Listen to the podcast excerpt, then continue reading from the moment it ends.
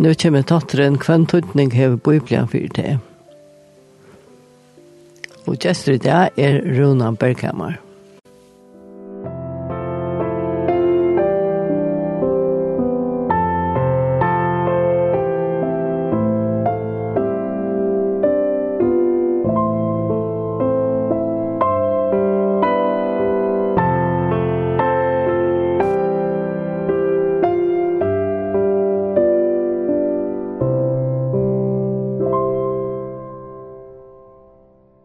Vi tar det Gunnar Gossen spela, og det var Rune Haberg Hansen som sang.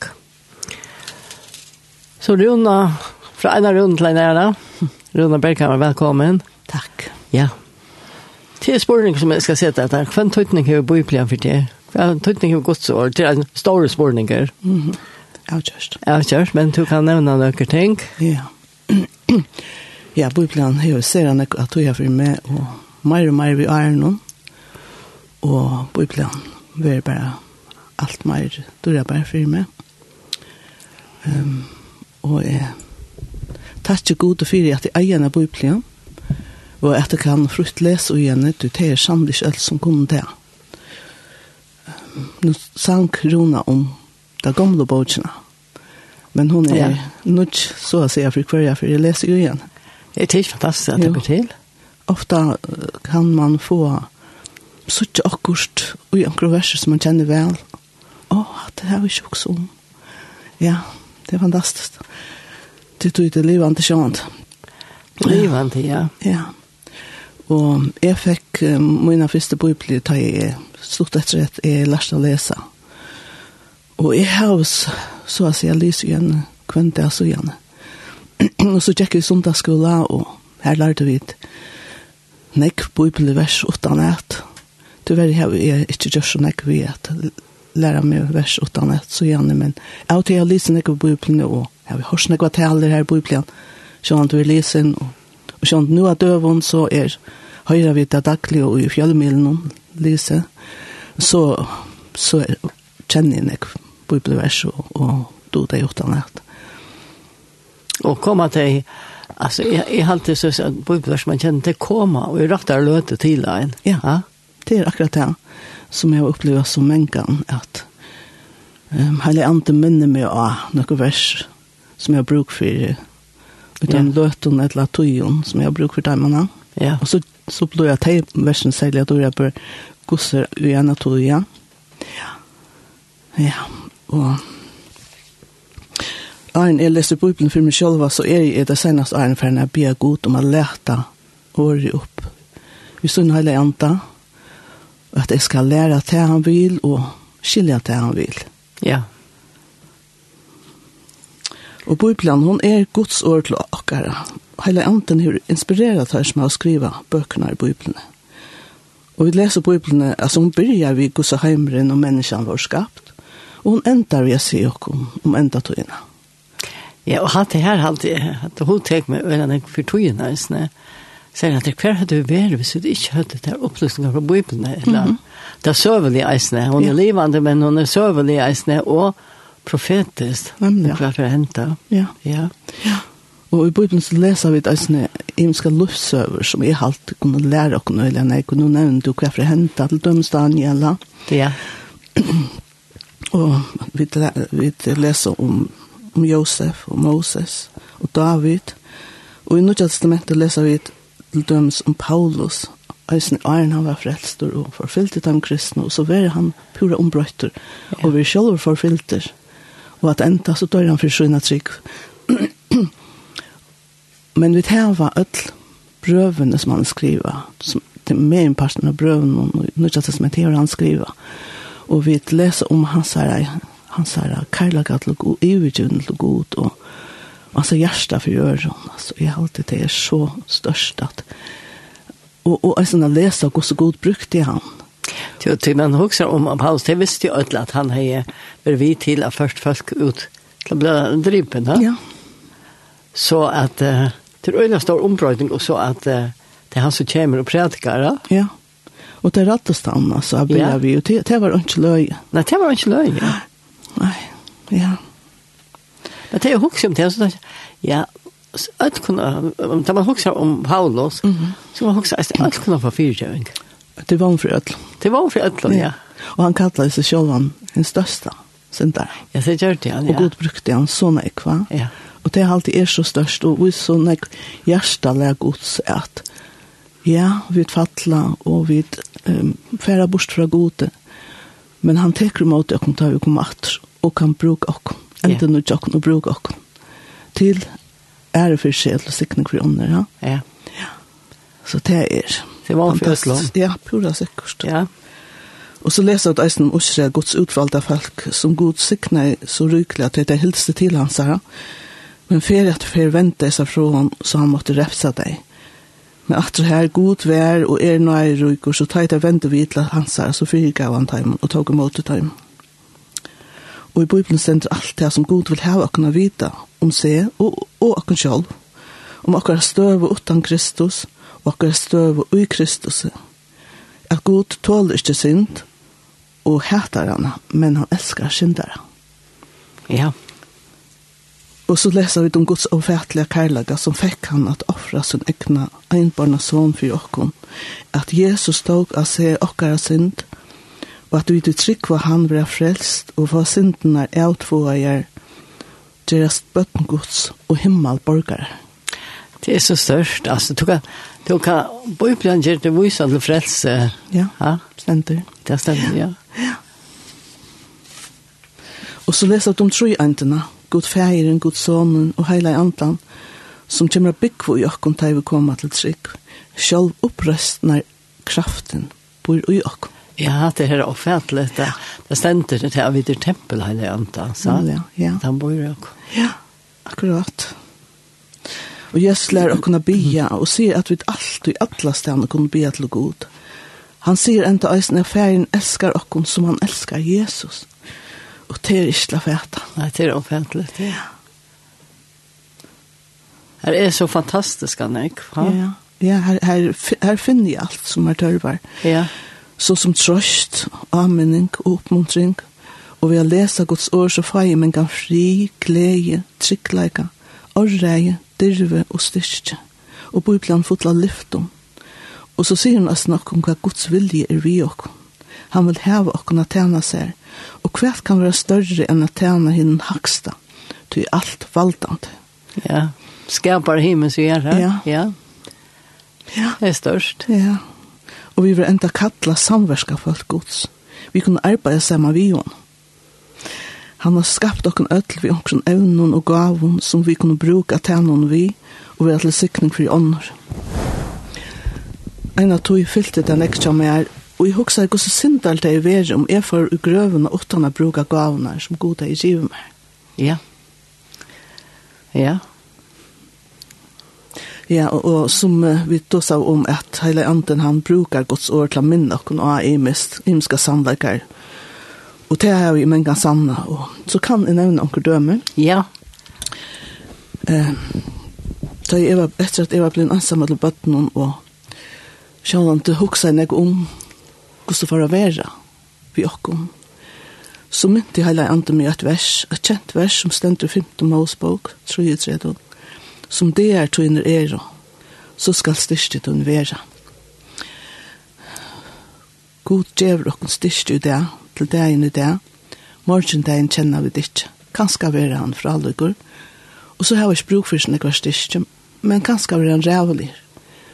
Men god er lov at han skal djeva okken styrste, og sånn til han dagen, og tøyr åne er ikke okken store. Jo, jeg sa det verst, det er ikke ordentlig så inntrykk som Da er det ikke bare år. Da tar det livende år, det hva man sier. Ja. ja. Man tror ikke virkelig at det, på en eller annen måte så ser man det. Ja, ja, ja. Og, og, og man lærer å kvile og i at, at Gud fyrir hjelpa meg. Så der hun kan byrja etla, etla, jeg vet, jeg skal gjøre nokkost. Og, men Gud, Jeg vil lova å hjelpe meg i djøkken. Og dette verset fikk jeg i 1906 hos. Å ja. Men det gjør det mot særlig daglige vers. Eh, og mennesker så men jeg må jo ata, eller være mitt og ata. Jo, jeg får jeg klare hentet deg en eist.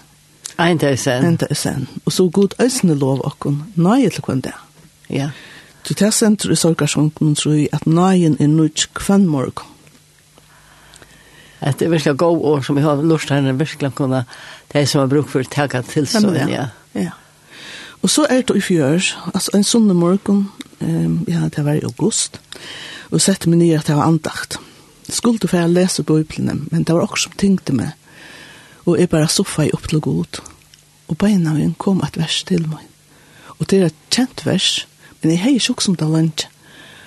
Og jeg mintes enda hva det stod, og det er ikke over til, det stender Johannes 14. Å oh, ja. Fri let i tikkun etter, fri mun djev i tikkun. Ikke som heimeren djevur, djev i tikkun. Hjärsta tikkare øttest ikke, og missi ikke mot. Og det var akkurat det jeg bruk for til alle øttene. Fri, gods fri. Um, og kjente du han da? Ja, altså gods fri?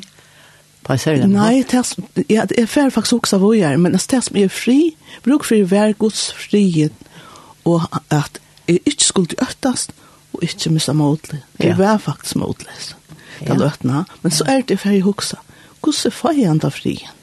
Og beina vi inn, vi mynt at jeg kjente versen Filippe brev 4, om at jeg ikke skal, um, nei, at jeg, jeg, jeg, jeg, jeg, jeg, jeg, koma vi tui som i innskje framfyr god, og i akatlan og bøn vi takk, så skal fri god, ja.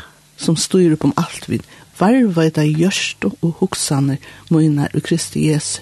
Okkara pastor er altså at akatla god, be til hans herre og takk og henne. Og takke henne, det skal jeg ikke glemme, ja. Nemlig, og så kommer han ved sunn frie inn i okkar gjørst og hoksaner. Ja, at det er en verileis. Ja, ja, ja. Og så det er det opplevd det her til dømes. Ja, og eisen det her vi er sleppa. Nu har vi jeg gjort min part, og så kommer han ja. i sin fri. Så han helder alt sin luft, ja. Ja. ja. At det er en fantastisk forrett det her, å kunne det her. Ja. Akkurat, det er det. Ja. Og jeg, har mange kan huske om folk som ikke er god, som ikke kjenner ja. god, som hvordan det kommer til noen.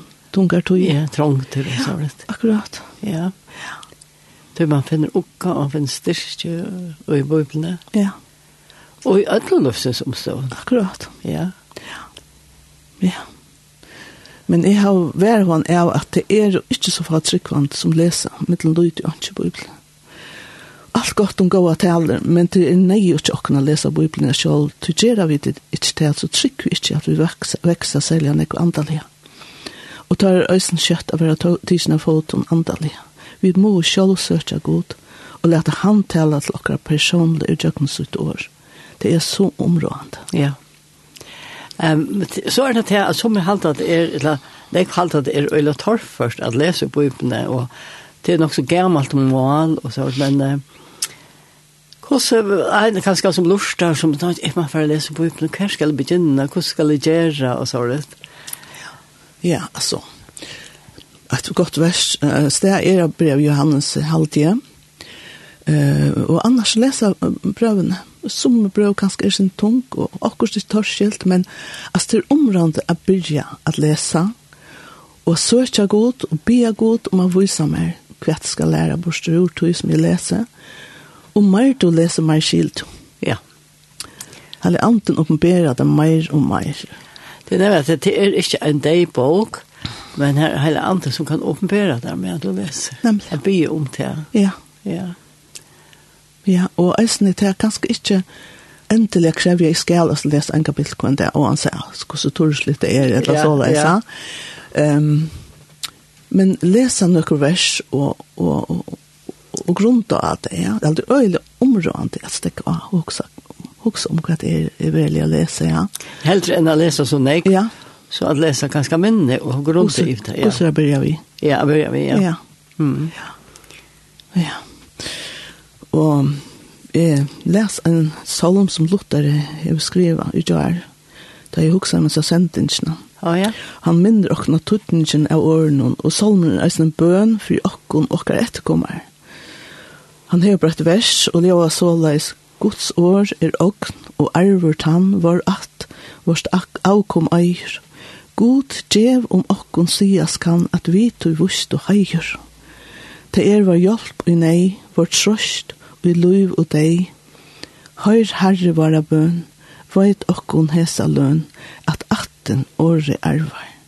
Det er så områdende at vi djev okkara bøtten til. Ja. Altså at vi sjølve vir smitta bøyplene og, og leser igjen og at okkara bøtten lærer til eisen, ja. ja. Okkara bøtten Ja.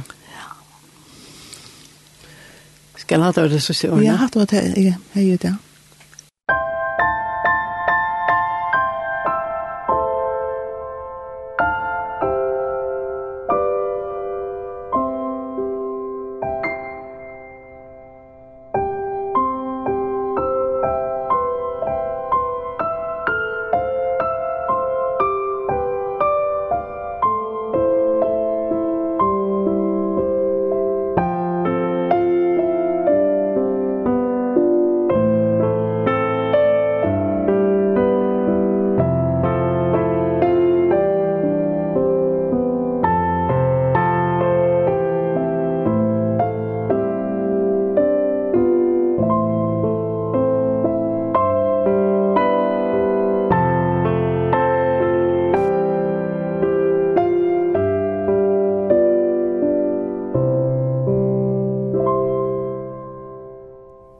en gamla bok, en dyra bok, og til henne vi tar ta oss om, og jeg hans ned tatt noen kventutning i Bibelen for det, og det var Rona Bergkammer, som var okkar gjester i morgen.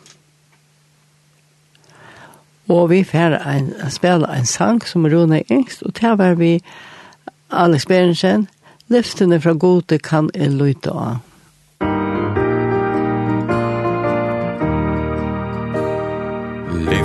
Løyve fra gode kan jeg løyda av Gletta først og trygt hei atlar æversta Fyre tei skal herren prøys og heier fa.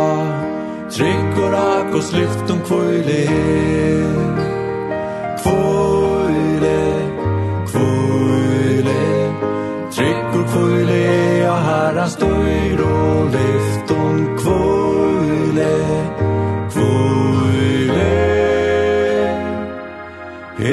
Kvile tryggor herras lyft og nar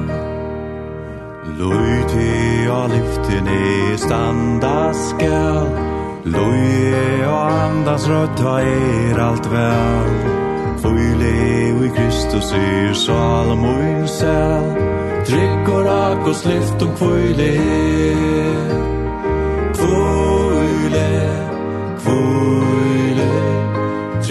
på og herren stå